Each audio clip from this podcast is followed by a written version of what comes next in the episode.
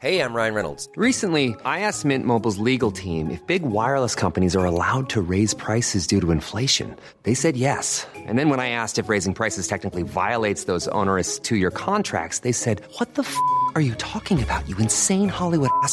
F- So to recap, we're cutting the price of Mint Unlimited from $30 a month to just $15 a month. Give it a try at mintmobile.com slash switch. $45 upfront for three months plus taxes and fees. Promo rate for new customers for limited time. Unlimited more than 40 gigabytes per month. Slows. Full terms at mintmobile.com. Ready to pop the question? The jewelers at BlueNile.com have got sparkle down to a science with beautiful lab grown diamonds worthy of your most brilliant moments. Their lab grown diamonds are independently graded and guaranteed identical to natural diamonds, and they're ready to ship to your door. Go to BlueNile.com and use promo code LISTEN to get $50 off your purchase of $500 or more. That's code LISTEN at BlueNile.com for $50 off. BlueNile.com code LISTEN. Cool fact a crocodile can't stick out its tongue. Also, you can get health insurance for a month or just under a year in some states. United Healthcare short term insurance plans, underwritten by Golden Rule Insurance Company, offer flexible, budget friendly coverage for you. Learn more at uh1.com.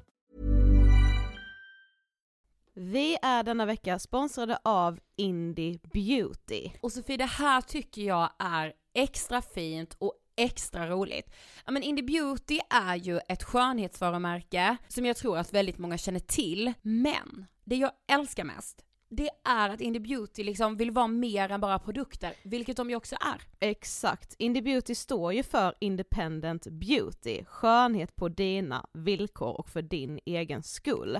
Och Indie Beauty tror ju stenhårt på ett alternativt skönhetsideal fritt från måsten, skam och känslor av otillräcklighet. Där är jag helt med Indie Beauty. Jag med. Det är så jag vill att skönhet ska vara. Ja men verkligen. Och vet du vad som är nytt för i år Sofie? Berätta. Från och med i år så skänker Indie Beauty 1% av sin försäljning till Suicide Zero, Tjejzonen och Djurens Rätt. Så när man handlar produkter från Indie Beauty så kan man liksom känna att man också ger tillbaka till samhället. Ja, kraften i tillsammans. Ska jag säga en sak nu då, Mm. som jag, det, men det är detta jag är extra glad över. Nu har Indie Beauty tagit fram en keps och den tycker jag ändå så på sommaren, skyddar sig från solen. Jättebra, jag älskar kepsen. Men det bästa, de bidrar till Suicide Zeros viktiga arbete för att minska antalet självmord och självmordsförsök.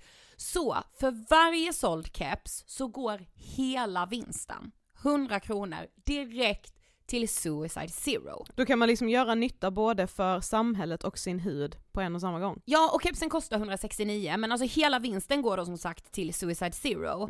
Så om man vill göra skillnad när man är där ute i solen, nu när den börjar titta fram, då ska man välja den här kepsen. Den säljs exklusivt på indiebeauty.se och på Apotea. Tillsammans kan vi skapa en ljusare framtid. Vi ses med kepsarna på. Tack Indie Beauty. Ja, just det.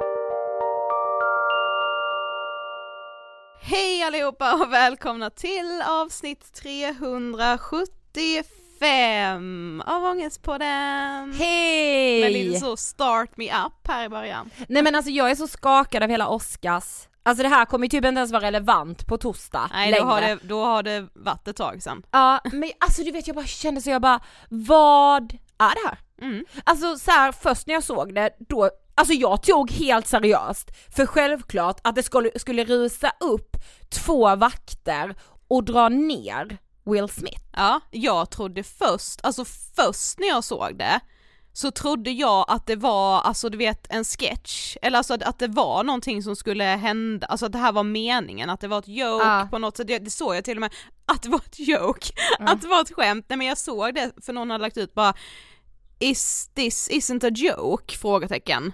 Som att säga bara va? Eh, hur, hur kan det här ske utan konsekvenser? Nu vet vi ju dock inte heller om det blir några Nej, konsekvenser. men okej bara så recap är ju att Chris Rock programledde Oscarsgalan och när han skulle presentera de nominerade så i typ, jag vet inte vilken kategori det var, så slog Will Smith honom för att Chris Rock skämtade om Will Smiths fru. Ja, han Och drog sen- väl liksom, ja han drog ett skämt som hon inte tyckte var roligt för att hon himlade ju med ögonen. Mm. Eh, men det ska ju sägas att det var ju inte helt tyst i publiken, folk tyckte ju att det var roligt.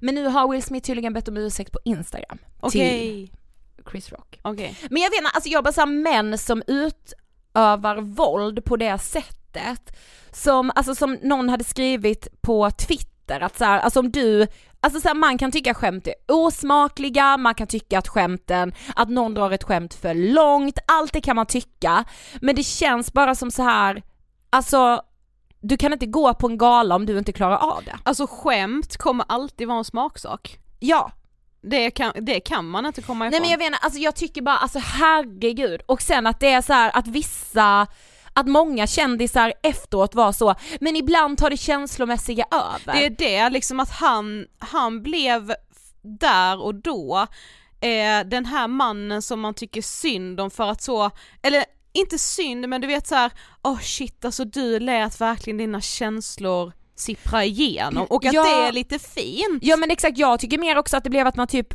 kände någon vördnad och respekt för honom för Ja. att han gjorde det. Ah, han försvarar sin kvinna! Ja. Ett, hon är väl, hon är sin egen. Ja. Hon, har, alltså så här, hon himlade ju med ögonen, det hade räckt. Ja. Stopp! Hon tyckte inte att det där skämtet var bra, okej, eh, whatever. Mm. Men att så här, att han, nej alltså jag tycker det är så problematiskt i så många led. Mm. Och så står folk där som ska vara så, åh vi tar kamper för det ena och för det andra. Mm. Men så slår, alltså så pågår en misshandel. Och Ja. ingen så bryter in. Och det blir ju också den här, alltså det passar ju väldigt bra in på avsnittet vi släpper idag. Verkligen. Men han liksom, han säger ju också det att så här, ja ibland får kärleken en att göra sjuka saker. Och bara kärlek leder aldrig till våld. Alltså Exakt. det är den största red flaggen jag någonsin har hört någon Ja. säga. Eh, nej, man blir aldrig våldsam på grund av kärlek. Exakt. Det är bara helt, ja. Vi är denna veckan mycket, mycket stolt sponsrade av Syd. Det är vi. Mensskydd som är gjorda av 100% certifierad ekologisk bomull utan parfym, färgämnen och klorblekning. Förlåt, det är ju helt otroligt. Ja men alltså alla Syds produkter är helt veganska. Jag älskar det jag hör. Alltså så här kan man ju ändå säga att mens kanske inte är så, okej nu händer det här, vad kul. När mensen kommer är jag mer så här. "Eh, just det, nu är det dags igen. Men syd har ju ändå underlättat för mig. Ja, för så här är det att samtidigt som din mens kommer så kommer ju också Syds produkter direkt hem till dig.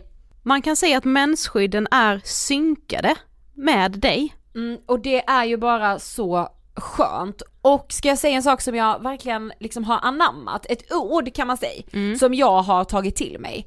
Syd har ju lärt mig det här, men menskit. Exakt. Hos Syd sätter du ihop ditt egna menskit som passar just dig. Ja, det finns alltså bindor, liners, tamponger, såklart i olika storlekar för att du ska välja ut det menskit som passar just dig och din mens.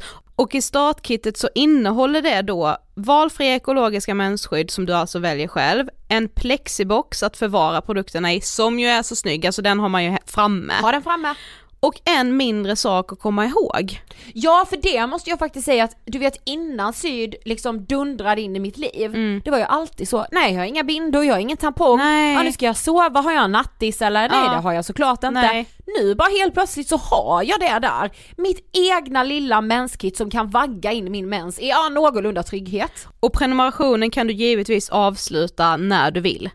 Och vi har en kod. Ja, Angestpodden 50 ger dig 50% rabatt på din första order. Vänta, är det här Otroligt. lagligt? Nej, du, men- du har kollat det med Syd?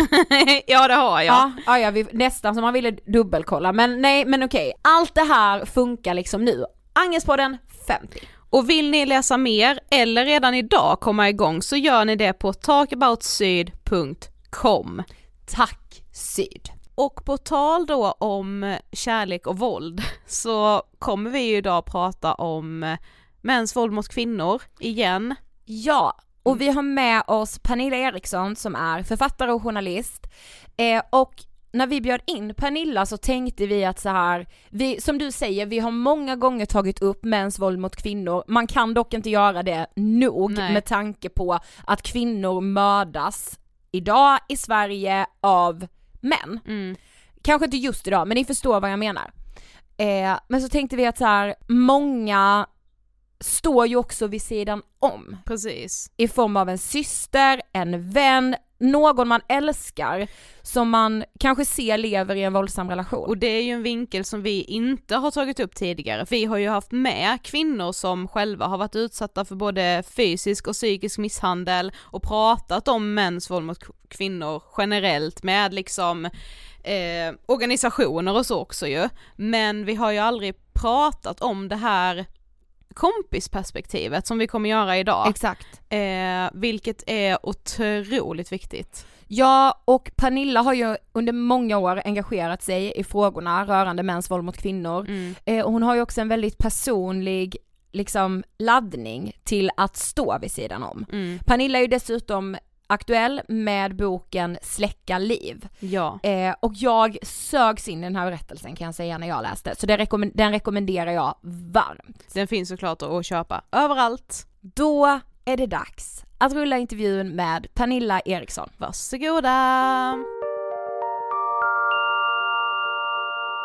Hej Pernilla och varmt välkommen till Ångestpodden. Tack så hemskt mycket. Jag måste börja med att kärleksbomba er. Jag, vi pratade om det innan, första gången jag hade kontakt med er var när jag var redaktör för ett program som heter Vardagspuls. Ja. Då när det var en sprillans ny podd och vi, man såg tidigt potentialen. Här är någon som lyfter psykisk hälsa och ohälsa som bryter barriärerna som får oss att prata om de svåra frågorna. Jag är ganska mallig över att jag bidrog till eran tv-debut. Ja. Eh, det var ju vår tv-debut. Ja. Alltså. Jävligt bra research måste jag säga. Och eh, ni gjorde det så bra redan då och jag tycker att ni är en podd som verkligen gör skillnad så jag är jättestolt över att vara med. Åh Åh. gud vad glad jag blir. Tusen tack för det. Alltså så Då fint. avslutar vi där. Ja, exakt. Du ska få berätta, vem är du? Jag heter Pernilla Eriksson och jag är journalist och eh, deckarförfattare. Och jag bygger ju tät spänning i mina böcker men jag är också för mig är det viktigt att väva in samhällsfrågor som jag brinner för och de ser jag till att göra en del av eh, handlingen. Och det faller sig ganska naturligt också för mig just med bakgrunden av eh, att vara journalist för att det är, jag kan väva in så många öden och röster, människor jag har mött eh, på vägen och så vidare. Och det har jag verkligen gjort i den här deckaren som jag är aktuell med nu, Släcka liv. Mm. Vi, kom, vi ska prata lite mer om den, men först ska du få eh, Ångestpodden-frågan. Eh, vad tänker du på när du hör ordet ångest? Oj, um, ångest kan ju vara så mycket men jag skulle säga alltså ångest kan ju vara att vara fast i något där man känner att man inte kan förändra men ångest kan också vara den känsla som driver en till, till förändring. Um, ångest för mig är framförallt någonting som jag ser till att prata med vänner och kära och eh, ta proffshjälp med de gånger i livet när det har känts jobbigt och tufft. Ångest är någonting vi inte får trycka undan eller försöka gömma och alla människor drabbas av ångest och oro ibland och det, är, det ingår i livet. Mm. Men du är ju som sagt just nu aktuell med din nya bok Släcka liv, du har ju skrivit flera böcker ska sägas. Men vill du berätta lite om boken?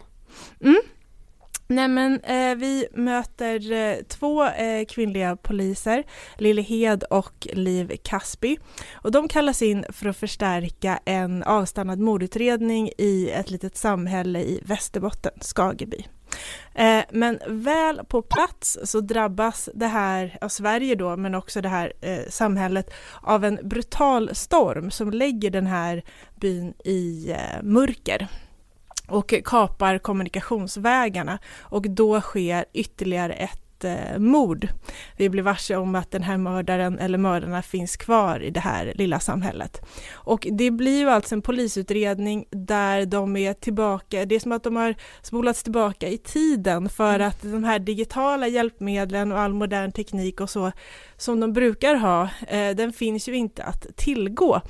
Och det här är ju då svårt och frustrerande på massa olika sätt och eh, Eh, min huvudkaraktär då, Lille Hed, polis, hon kämpar ju då med en jättesvår utredning, men hon kämpar också med sig själv och med just eh, ångesttankar och tvivel och sådär, därför att hon har efter lång tid eh, vågat, orkat anmäla sitt ex som utsatte henne för psykisk och eh, fysisk misshandel. Och det där är någonting som eh, påverkar henne väldigt starkt och eh, det är ju också som de många kvinnor som jag intervjuat genom åren kunnat vittna om att bara för att man har tagit sig ur en relation så kan det ju att faktiskt bli fri eller att eh, bearbeta det man har gått igenom kan ju ta mycket lång tid och dessutom då att få rättslig upprättelse. Mm. Mm. Ja, för idag så vill vi ju då fokusera på mäns våld mot kvinnor. Mm. Men du har ju liksom skrivit, pratat mycket om de frågorna. Mm. Eh, alltså hur kommer det sig? Varför har det blivit viktigt för dig? Uh, jag gjorde den första intervjun med en kvinna som hade levt uh, våldsutsatt um, uh, i nära relation när jag var 19 år och det var då eh, när jag skrev om henne som det gick upp för mig hur jäkla komplext det är. Det här med att älska sin förövare, att vara mm. rädd för sin förövare, att inte sällan vilja rädda sin förövare, att eh, med tystnad, skam och rädsla inneslutas i den här bubblan där man då heller inte visar vad det är som eh, pågår. Jag tyckte att det var underbevakat, det är det inte längre i samma utsträckning för att det är jättemånga Eh, med mig som har stridit för på redaktionell plats att det här ska lyftas fram. Men eh, när det kommer till släcka liv och just att skriva om Lillehed så eh, för mig blev det väldigt personligt för att i arbetet med att skriva om den här karaktären så eh, berättar en kär vän till mig att hon just har varit utsatt för våld i sin relation och det har pågått ett bra tag och jag det var en sån chock och jag, eh, ja men allt som man känner i det läget, man känner ilska och sorg och ja, fan raseri, förlåt att jag svär. Eh, och göra så, och sen så eh, var jag också fruktansvärt arg på mig själv just för att som ni säger, jag har skrivit mycket om det här genom åren. Varför såg inte jag vad det var som pågick? Mm. Eh, så um, eh, alla de här känslorna kokades också ner i den här poliskaraktären för att jag ville påminna om att det är inte en särskild typ som drabbas. Mm. Eh, det här, våld i en relation sker i alla skikt i samhället och Ehm, det blev en drivkraft att skriva Lillehed på det här sättet. Mm. Vi tänker just att det är den vinkeln vi vill vara idag för vi har ju också nämnt, eller lyft mäns våld mot kvinnor tidigare i Ångestpodden för vi tycker ju med såklart att det är ett otroligt viktigt ämne men vi har inte pratat så mycket just om att vara den som står vid sidan om. Eh, kanske dels då om man redan misstänker eller som i ditt fall att du inte visste alls eller hur var det egentligen? Hade du liksom sett några signaler eller kom allt som en blixt från klar himmel? Så här, jag hade märkt att någonting inte stämde och jag mm. hade varit där och borrat som man gör som kompis. Mm. Liksom, eh, hur mår du och, och, vad är det och ehm, men som hon har sagt till mig i efterhand, Pernilla, man blir bäst i världen på att dölja vad det är som pågår. Och, eh, så det fanns en massa andra saker och liksom, ja men man är slutkörd eller det är mycket nu eller um, så det, um, jag var där och frågade men jag uppenbarligen så Eh, ställde jag ändå inte rätt eh, frågor och det fanns vissa eh, tecken där som jag borde ha varit liksom varse om därför att eh, vissa gemensamma nämnare finns det när det, när det när det blir den här typen av, av relation där man liksom är med kontroll och våld och, och sådär. Eh, och en sån sak är ju att vännen eh, försvinner ur gemenskapen. Mm. Eh, för det är ju, nästan en ganska grundläggande grej för den här, för den här typen av eh, förövare, att man gärna vill isolera personen från gemenskapen och då blir liksom på olika sätt irriterad eh, när man träffar familj och vänner och sådär. Och, sen så, och då blir det ju det här att man tassar på tå hemma, att man liksom man undviker konfliktzonerna helt Mm. enkelt.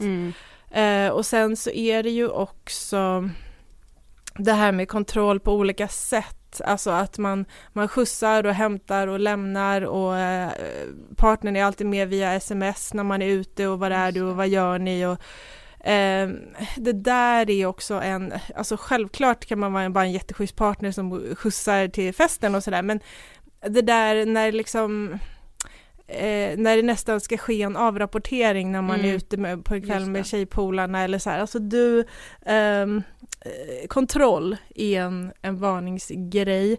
Ehm, sen så är det ju andra saker som man kan lägga märke till men som jag inte gjorde eftersom ehm, Alltså våld börjar ju till exempel ofta inte mot person utan det börjar mot ehm, eh, saker. Hade jag Mm. varit hemma hos eh, henne just då så kanske jag hade sett eh, tecken på att inredning hade varit skadat, någonting sånt hade kunnat vara ett varningstecken. Men det som var tydligast och som jag borde ha tänkt på mer var just det här försvinna ur gemenskapen, det var en varningsflagg. Mm.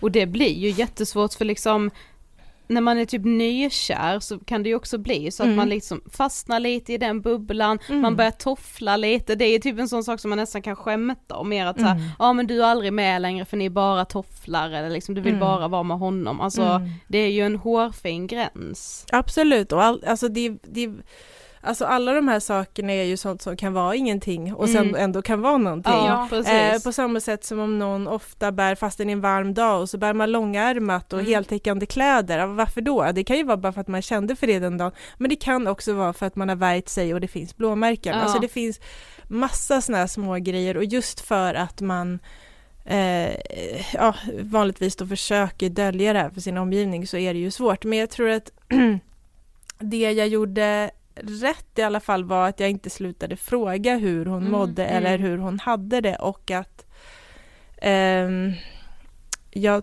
tror att, eh, jag hoppas att hon har vetat att min dörr alltid har stått öppen för, för henne.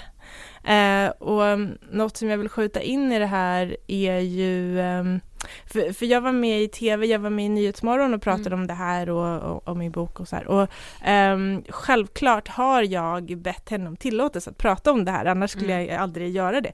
Ehm, men då hade hon ett medskick som hon vill att jag tar med varje gång som jag pratar om det här, för hon tycker att den det är jätteviktigt att den här frågan lyfts och hon är eh, glad och stolt över att jag gör det. Och det är att hennes grannar gjorde en så stor insats eh, för henne.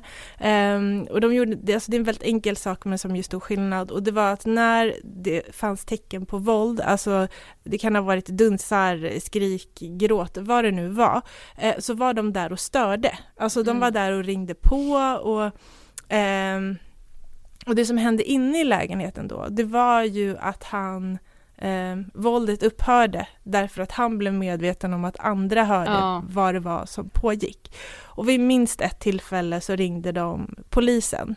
Eh, och när polisen kom så blev det början till slutet, så säga, vägen ut då, för min vän.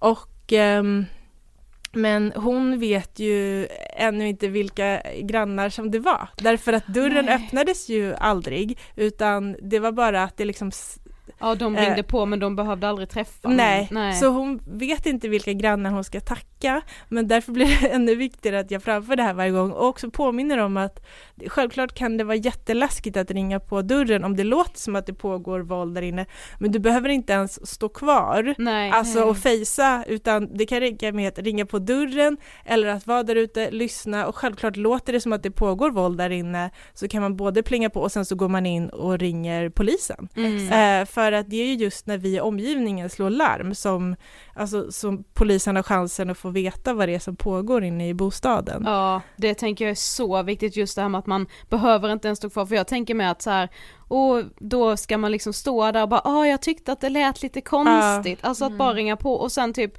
ja men springa till hissen eller Ja. gå ut eller gå in i lägenheten, alltså ja verkligen så viktigt. Ja men det känns som att det, bara den vetskapen gör det ju lättare att vara den där grannen då. Mm. Eh, för vad skulle du säga, alltså vad kan man förutom det då, alltså vad ska man tänka för att våga vara den grannen?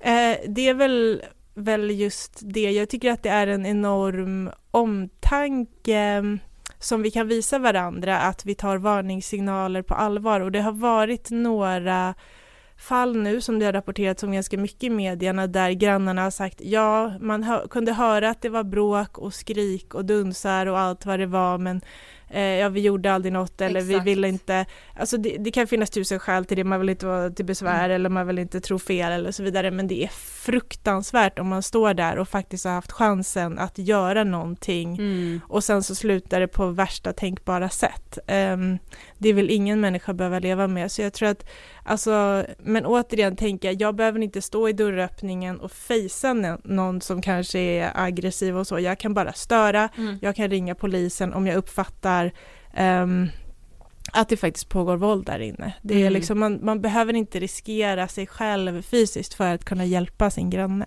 Nej, Så viktigt. ja verkligen. Men du har varit inne på det lite, men vad kände du när din kompis faktiskt berättade? Vad kände du för känslor liksom? Eh, ja, men alltså f- i den stunden när hon till slut berättade så, alltså det är nästan lite suddigt det ögonblicket för att jag blev lite, lite chockad och ehm, jag eh, bryr mig så enormt mycket om henne. Hon är världens finaste person så att ehm, jag, jag blir nästan lite gråtfärdig nu Ja. när jag pratar om det också. Mm. Eh, ja, nej men jätte, jättejobbigt. Det är ingen som förtjänar att utsättas för det och ehm, jag har brottats jättemycket med det där och liksom skuldkänslor och, och så. Mm. Och att jag inte fattade. Mm. Men vad ska man, alltså som anhörig eller kompis, alltså ställa för frågor om man misstänker, eller om man kanske till och med vet att ens vän blir utsatt för fysiskt eller psykiskt våld? Alltså vad kan man ställa för fråga? Kan man fråga rakt ut? Eh, man kan absolut eh, ställa frågan rakt ut. Jag, eh, jag, jag, fatt, alltså jag trodde att, att hon fick ta liksom för mycket i hemmet, att hon var slutkörd, att hon var, att det var andra saker liksom, men inte just det. Om man faktiskt har någonting konkret att gå på, att man kanske har sett något blåmärke i Mm. omklädningsrummet, du vet någonting så här som Ehm, då skulle jag ställa frågan rakt ut, gör han dig illa? Men också um, och titta på reaktionen och hur den är och sådär. Men, men också fortsätta säga, jag finns här, ehm, min dörr är alltid öppen, du kan alltid eh, ringa mig dag som natt, du kan alltid komma hem till mig. Eh, om, alltså, man kan bara fortsätta signalera att jag finns här och, eller liksom behöver du hjälp på något sätt eller ehm, att vara den här stöttande kraften i vännens liv. Mm. Men varför tror du att det är så svårt att faktiskt ta de frågorna eller ställa de frågorna? Jag tror att det fortfarande är, um, alltså vi är såklart rädda för att ha fel Mm. och det finns ju de som eh, kanske skulle kunna bli sårade eller Mm. kränkta. Eh, det, det beror såklart också på hur nära man står varandra som vänner. Eh, för att om det är en eh, en arbetskamrat som man känner lite ytligt men där man uppfattar signaler, då kan det ju vara knepigare än om det är någon som man där man faktiskt har gråtit i varandras famn eller Mm. funnits där genom kriser, uppbrott och ja men då är det kanske inte lika svårt att ställa eh, frågan. Så eh, men alltså vissa grundläggande sådana här saker, är du okej, kan jag hjälpa dig på något sätt, eh, de går ju att ställa Mm. och att bara eh, markera, jag finns här. Mm. Men du, detta var vi inne på lite också, men vilka tecken ska man vara uppmärksam på utöver då till exempel kontroll? För den känns så tydlig som att man ändå har lärt sig. Mm. Och den Eh. är ju också ganska fysisk liksom. Ja, alltså den precis. syns att, ju. Ja, det syns ju att någon kommer med bilen när man är någonstans eller Mm. att någon kollar Insta-story hela tiden i liksom, och Ja, kollar han min också liksom. och smsar hela tiden. vad gruppen är. Ja. Mm. Men finns det något mer som man kan eh, vara uppmärksam på? Eh, om hon ställer in planer med kort varsel, eh, om hon eh, verkar undvika att gå hem om ni förstår vad jag menar, alltså jobbar väldigt sent Ja. eller gärna sover över hos kompis eller eh, om det fin- verkar finnas en ehm, Eh, nej, vi gör inte det. Vi, alltså att man på något sätt tassar på tå med att liksom att det verkar som att det är skört, om, eh, liksom att mm, läget där hemma, att det kan finnas någon krutdurk. Liksom.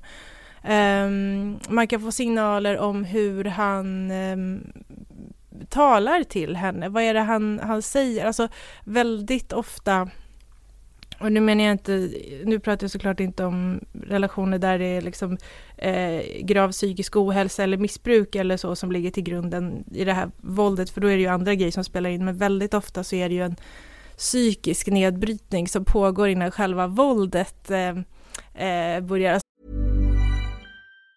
Hi, I'm Daniel, founder of Pretty Litter. Did you know cats tend to hide symptoms of sickness and pain? I learned this the hard way after losing my cat, Gingy. So I created Pretty Litter, a health monitoring litter that helps detect early signs of illness by changing colors, saving you money and potentially your cat's life. Pretty Litter is veterinarian developed, and it's the easiest way to keep tabs on your fur baby's health right at home. Go to prettylitter.com and use code ACAST for 20% off your first order and a free cat toy. Terms and conditions apply. See site for details. One size fits all seemed like a good idea for clothes Nice dress. Uh, it's a it's a t-shirt. until you tried it on. Same goes for your healthcare. That's why United Healthcare offers a variety of flexible, budget friendly coverage for medical, vision, dental, and more. So, whether you're between jobs, coming off a parent's plan, or even missed open enrollment, you can find the plan that fits you best. Find out more about United Healthcare coverage at uh1.com. That's uh1.com. This is Paige, the co-host of Giggly Squad, and I want to tell you about a company that I've been loving, Olive and June. Olive and June gives you everything that you need for a salon quality manicure in one box. And if you break it down, it really comes out to $2 a manicure, which is absolutely insane. It's also so easy to get salon worthy nails at home with Olive and June. The difference between how your nails used to look when you did them yourself and now with the Manny system is a complete game changer. The best thing about Olive and June too is it's a quick dry. Dries in about one minute, lasts for five days, and full coverage in up to one to two coats. Visit oliveandjune.com slash perfectmanny20 for 20% off your first system. That's oliveandjune.com slash perfectmanny20 for 20% off your first system. Så det skulle ju... eh, Förövaren måste på något sätt få eh, partnern att tycka att det här är ditt fel. Mm. Och om inte du hade varit så dålig och klantat dig så jävligt och eh, varit så himla misslyckad så hade jag inte behövt göra det här mot dig. Alltså det är Mm. faktiskt grundtesen i det här. Jag vet en kvinna som till exempel eh, fick spö för att hon hade lämnat lite spaghetti i vasken. Alltså det är Mm. ehm, det, det, alltså, den här processen är, det är många steg in ofta innan liksom första örfilen Ja. kommer. Eh, och då ska hon ofta känna att så här, "Ja, men det här är mitt fel, om jag bara inte hade eh, misslyckats så här så hade det här inte hänt. Mm. Så att det man skulle kunna uppfatta i utkanten av det här är kanske liksom hur talar han till henne eller vad Ja. säger hon om hon återger kanske en pusselbit av ett gräl eller av liksom där kan man ju också uppfatta varningssignaler och om han säger att hon är värdelös eller en idiot eller liksom inte alltså där finns ju en slags upptakt till Ja. våld Mm. som man som vän ska vara eh, jäkligt eh, vaksam på. Ja, jag tänker också att eftersom det kan ta ganska lång tid innan just det första slaget kommer eller den Mm. första örfilen så Mm. förknipp, men det är ju det som i ens huvud är att man är utsatt för misshandel. Mm. Inte alla de här liksom småsakerna säger jag nu med citationstecken, det är ju inte det men alltså den här psykiska misshandeln som hela tiden liksom trappas upp Mm. De där alltså, små sakerna i början kan man nog ganska lätt bara liksom se förbi. Mm. Ja. Exakt. Men om man då är vän eller anhörig på något sätt eh, till någon som man vet befinner sig i en, en sån här relation eller som man misstänker gör det, eh, kan, finns det någonstans dit man som vän eller anhörig kan vända sig om man är orolig?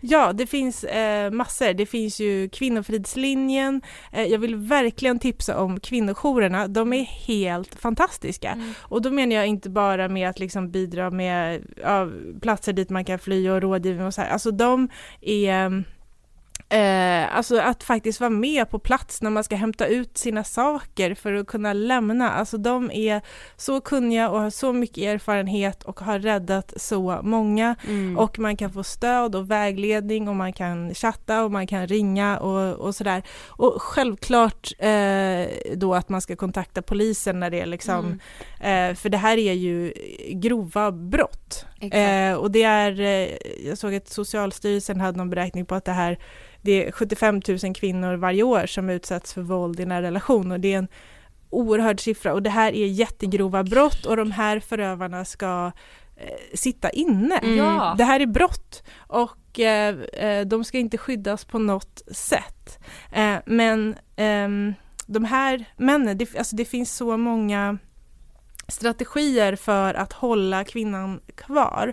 Och då menar jag inte bara med för i den här relationen, det kan finnas barn såklart, mm. det kan finnas eh, ekonomiska faktorer som gör att det är skitsvårt att lämna. Eh, bara om man har en gemensam bostad som man äger ihop och liksom att få loss sin del från en förövare som absolut inte vill släppa en, mm. skitsvårt. Mm, alltså ja. man bara inte har råd att ha ett nytt eget boende. Eh, han kan hota släktingar, familj, eh, alltså om du lämnar mig. Eller också, den här är skitvanlig, jag tar livet av mig ja. om du lämnar mig. Eh, alltså jag har hört den av tre kvinnor och det är eh, så här, alltså eh, newsflash, han tog inte livet av sig en enda gång. Inte Nej. en enda gång Nej. gjorde det, han det, men det var en fantastisk hållhake på den här eh, kvinnan. Jag dör om du lämnar mig. Liksom. Mm. Alltså det är um, det finns ju så mycket som låser fast den i den här typen av relation. Mm.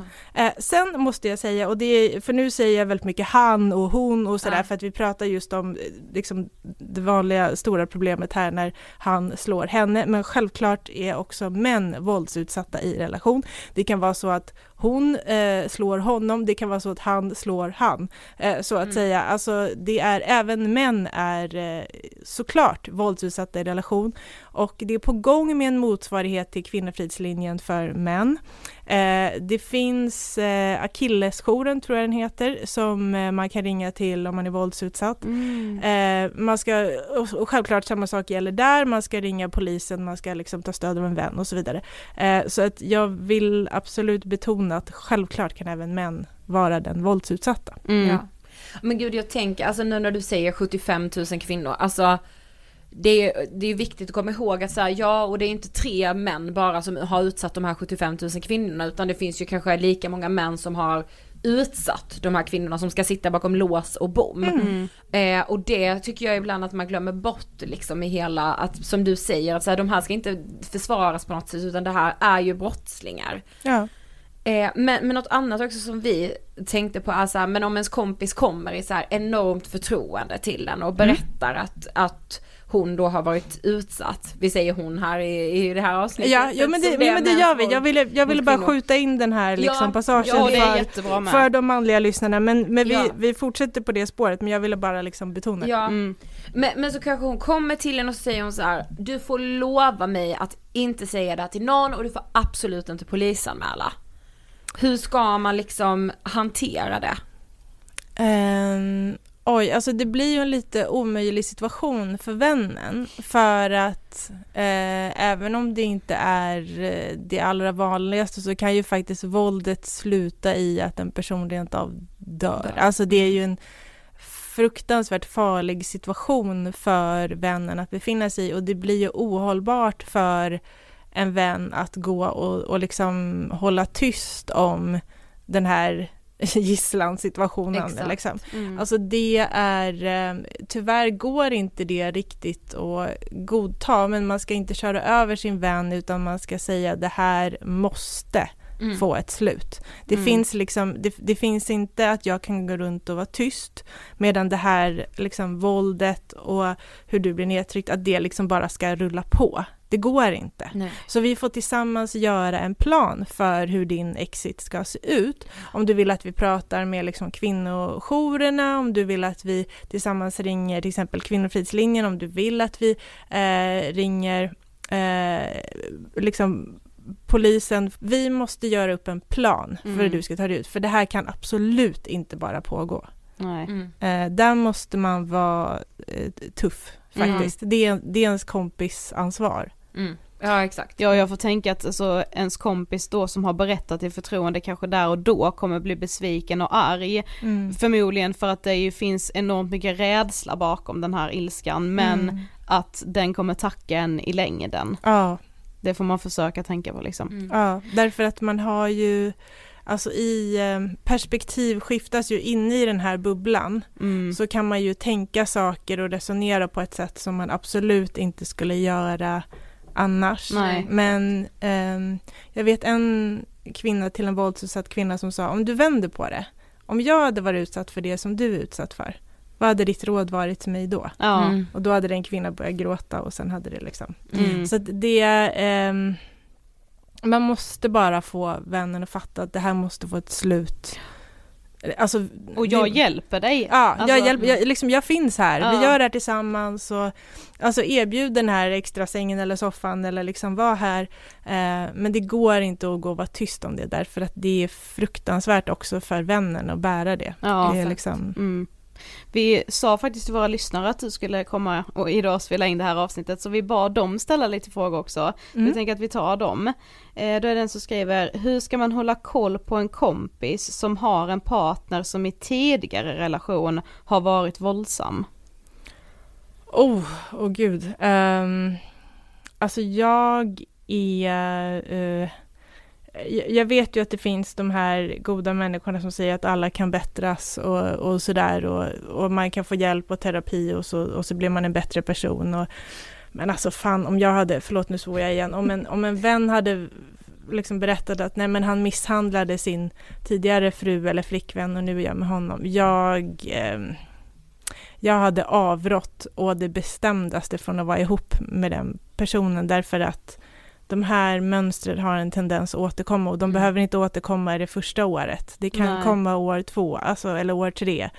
Um, får man veta sådana saker, eh, hur kär och eh, liksom glad man än är, jag skulle avråda. Och, och, självklart då om det visar, om man ändå är så här, jag vill vara i den här relationen och han har lärt sig och han har utvecklats och han har gått vidare.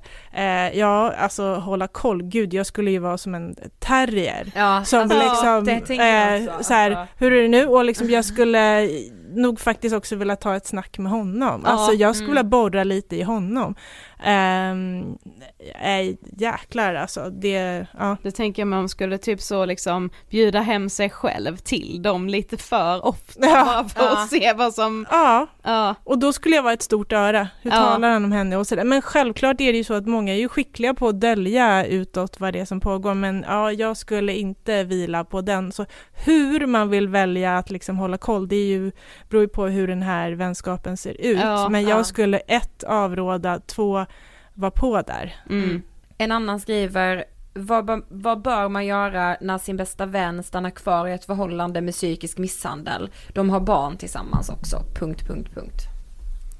Um, ja, alltså den psykiska misshandeln um, kan ju, alltså det är många som vittnar om det efteråt också, att det är ju inte alltid våldet som lämnar de värsta skadorna. Nej, eh, ibland så är det det psykiska våldet som lämnar de värsta skadorna eh, därför att man har tryckts ner och nötts ner under så lång tid och man har till slut godtagit saker som man aldrig trodde att man skulle godta. Och det gör det är fruktansvärt skadligt och jag skulle nog framför allt ställa frågan eh, vill du att dina barn ska växa upp i ett hem där, du, där de dagligen ser det här mm. och vad det gör med dig och att de i sin tur tar med det här mönstret in i sina relationer.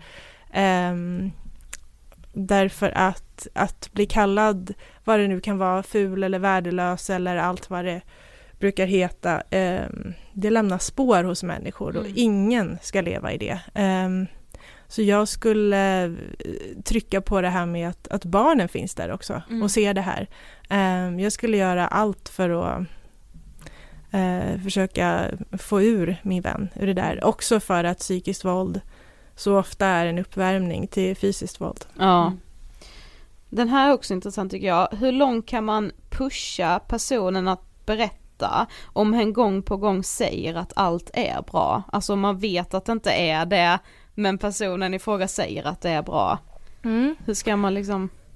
Uh, ja, det där är ju, alltså om personen gång på gång säger allt är bra, allt är bra, fast man har någonting konkret att gå på att det inte är det, då, eh, men inte tillräckligt konkret för att man själv ska kunna slå larm nej, på något nej. sätt. Eh, då eh, kommer det väl an på en att erbjuda den där trygga famnen, att säga att jag finns här, att jag, att du kan alltid bo hos mig, vara hos mig, ringa mig mitt i natten om det krävs och så vidare. Men jag tror där är det viktigt att inte sluta fråga. Mm. mm. Men någon annan skriver, men hur kan man försöka få en person att ens förstå att den lever med någon som psykiskt misshandlar eller manipulerar? Mm. Um, att, att vända på det tror jag. Jag tycker ja. att den där vännen till den våldsutsatta kvinnan som jag eh, nämnde tidigare, jag, hon gjorde det väldigt bra. Alltså det som sägs och det som, eh, om jag om, om min partner sa så till mig, om du fick höra att, att han kallar mig de här sakerna mm. eller att, um, att han fick mig att må på det här sättet, vad skulle ditt råd vara till mig då?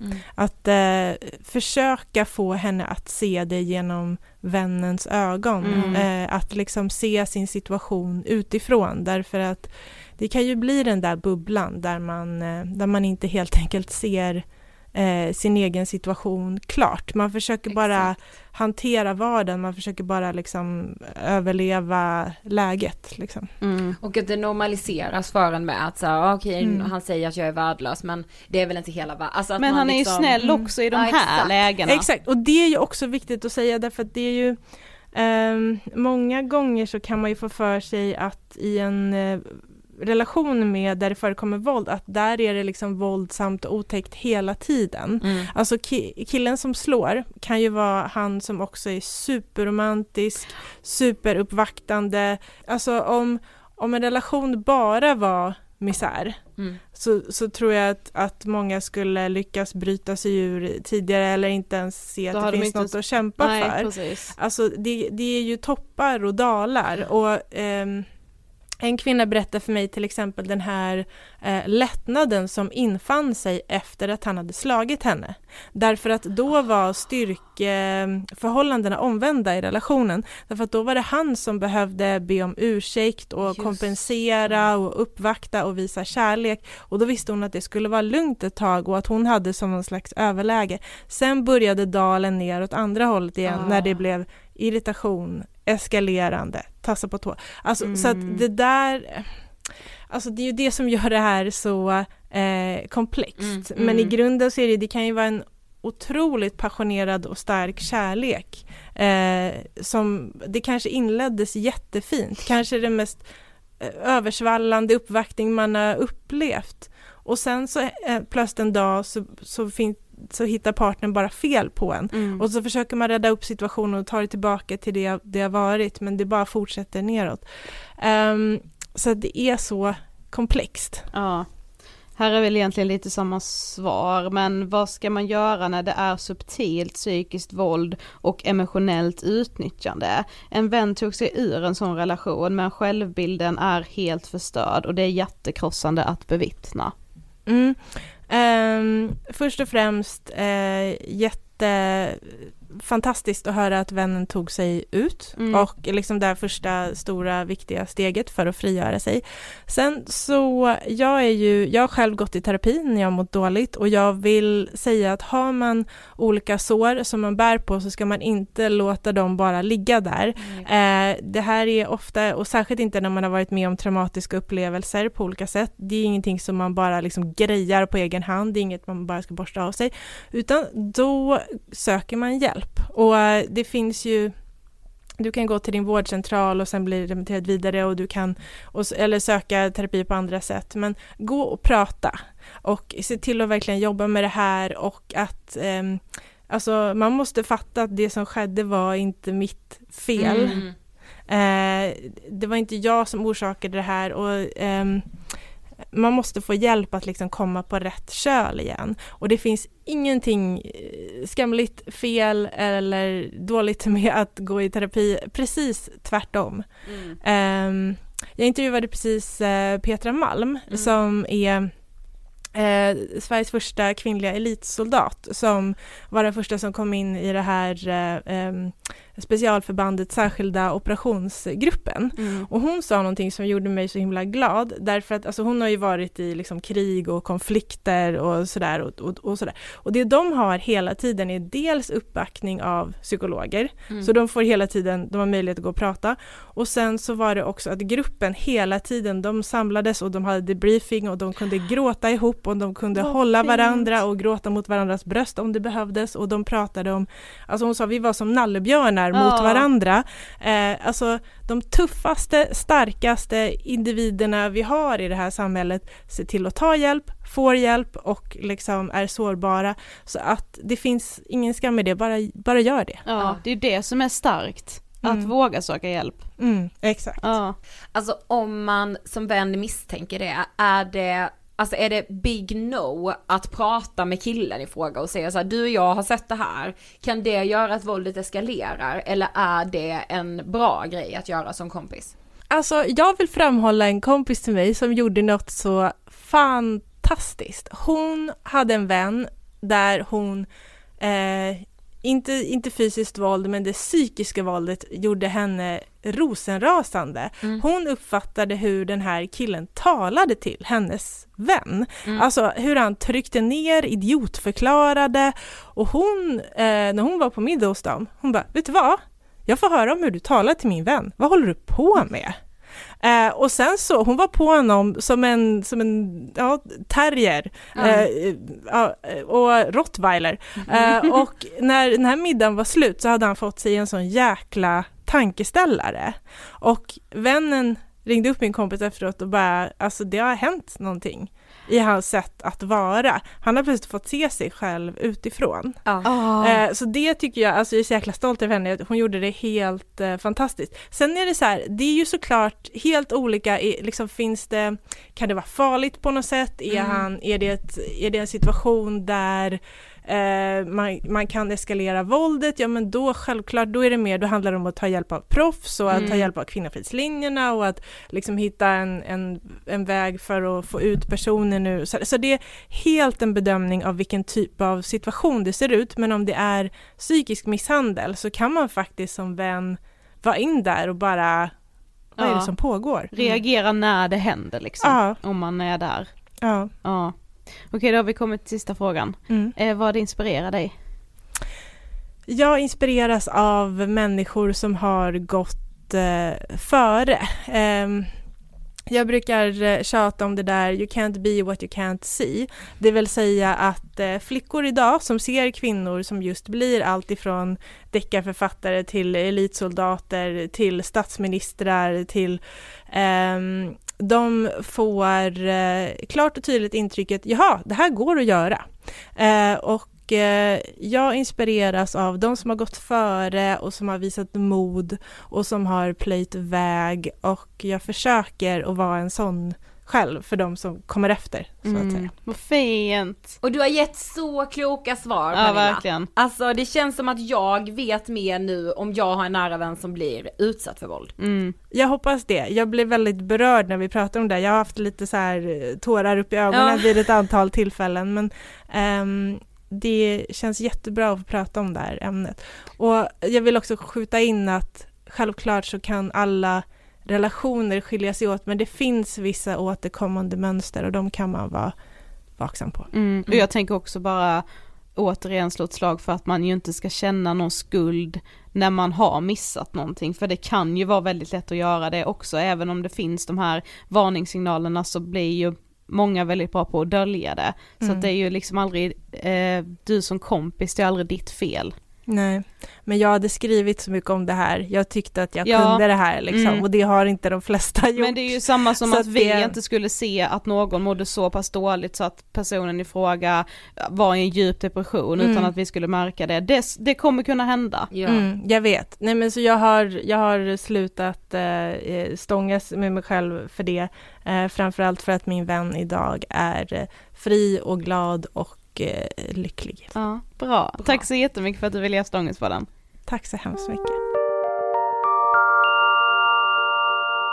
Alltså något som jag kommer ta med mig, alltså du vet ibland är det bara vissa saker som är jättesjälvklara men som när någon säger det så bara sätter det sig och man vet att man alltid kommer ha med sig det. Ja. Just det här med att Alltså man har alltid pratat om hur vågar man vara den här grannen som typ ringer polisen eller som går och knackar på. Ja. Då har jag alltid tänkt att hur ska jag våga vara den grannen som vågar knacka på och fråga hur är det här inne? Mm, mm, mm. Alltså det blev helt mindblown i mig när Pernilla sa det här med att du kan ringa på och sen springa tillbaka jag till vet. Ring på och eh, gå in i din lägenhet igen. Du behöver inte stå kvar och fejsa den du tror är en förövare, utan du kan bara visa att du hör, att det gör sån enorm skillnad. Exakt. Det var, ja, Och också hur viktigt det är att så här, man kan inte ringa polisen i onödan. nej. Alltså för det tycker jag man har hört ganska mycket. Jag vet att jag alltså reagerade och, och inte reagerade för att säga för jag hade gjort annorlunda, jag vet inte vad jag hade gjort. Nu känns det som att jag verkligen vet det.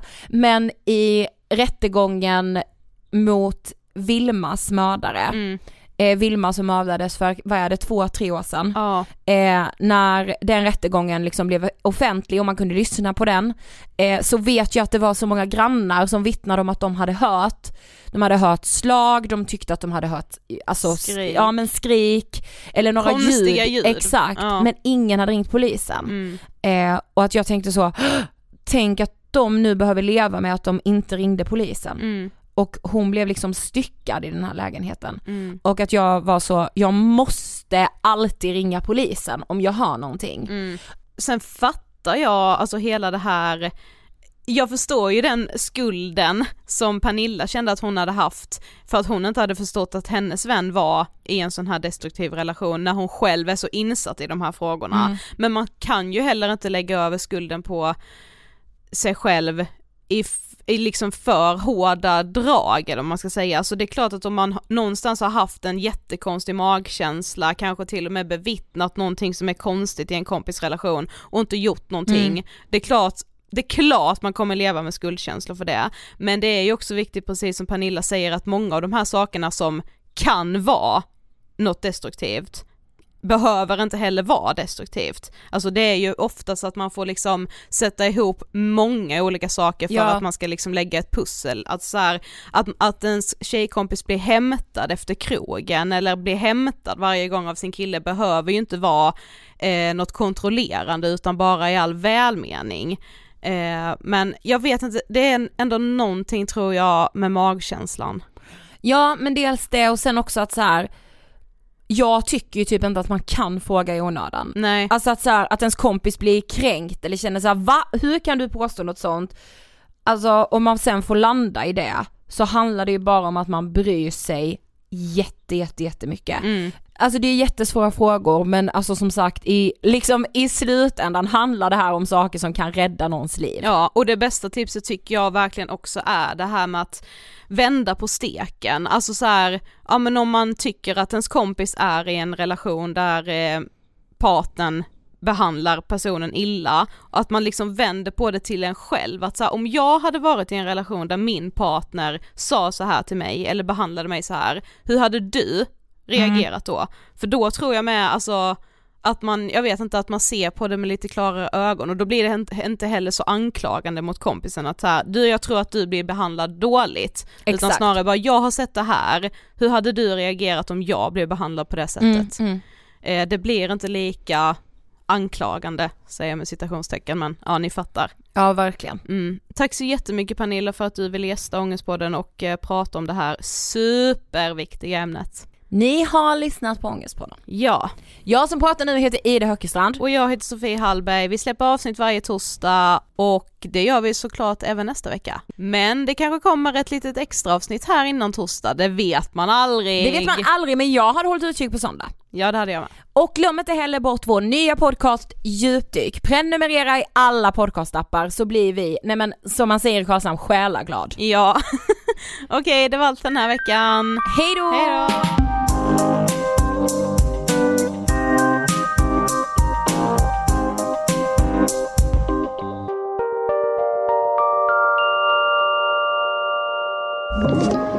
Podplay.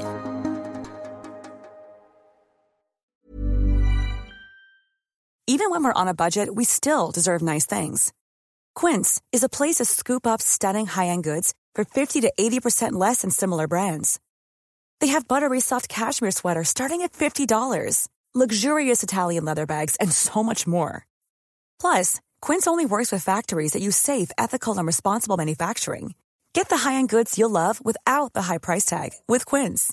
Go to quince.com/style for free shipping and 365-day returns. Imagine the softest sheets you've ever felt. Now imagine them getting even softer over time. That's what you'll feel with Bowl and Branch's organic cotton sheets. In a recent customer survey, 96% replied that Bowl and Branch sheets get softer with every wash. Start getting your best night's sleep in these sheets that get softer and softer for years to come. Try their sheets with a 30-night guarantee. Plus, get 15% off your first order at bowlandbranch.com. Code BUTTERY. Exclusions apply. See site for details.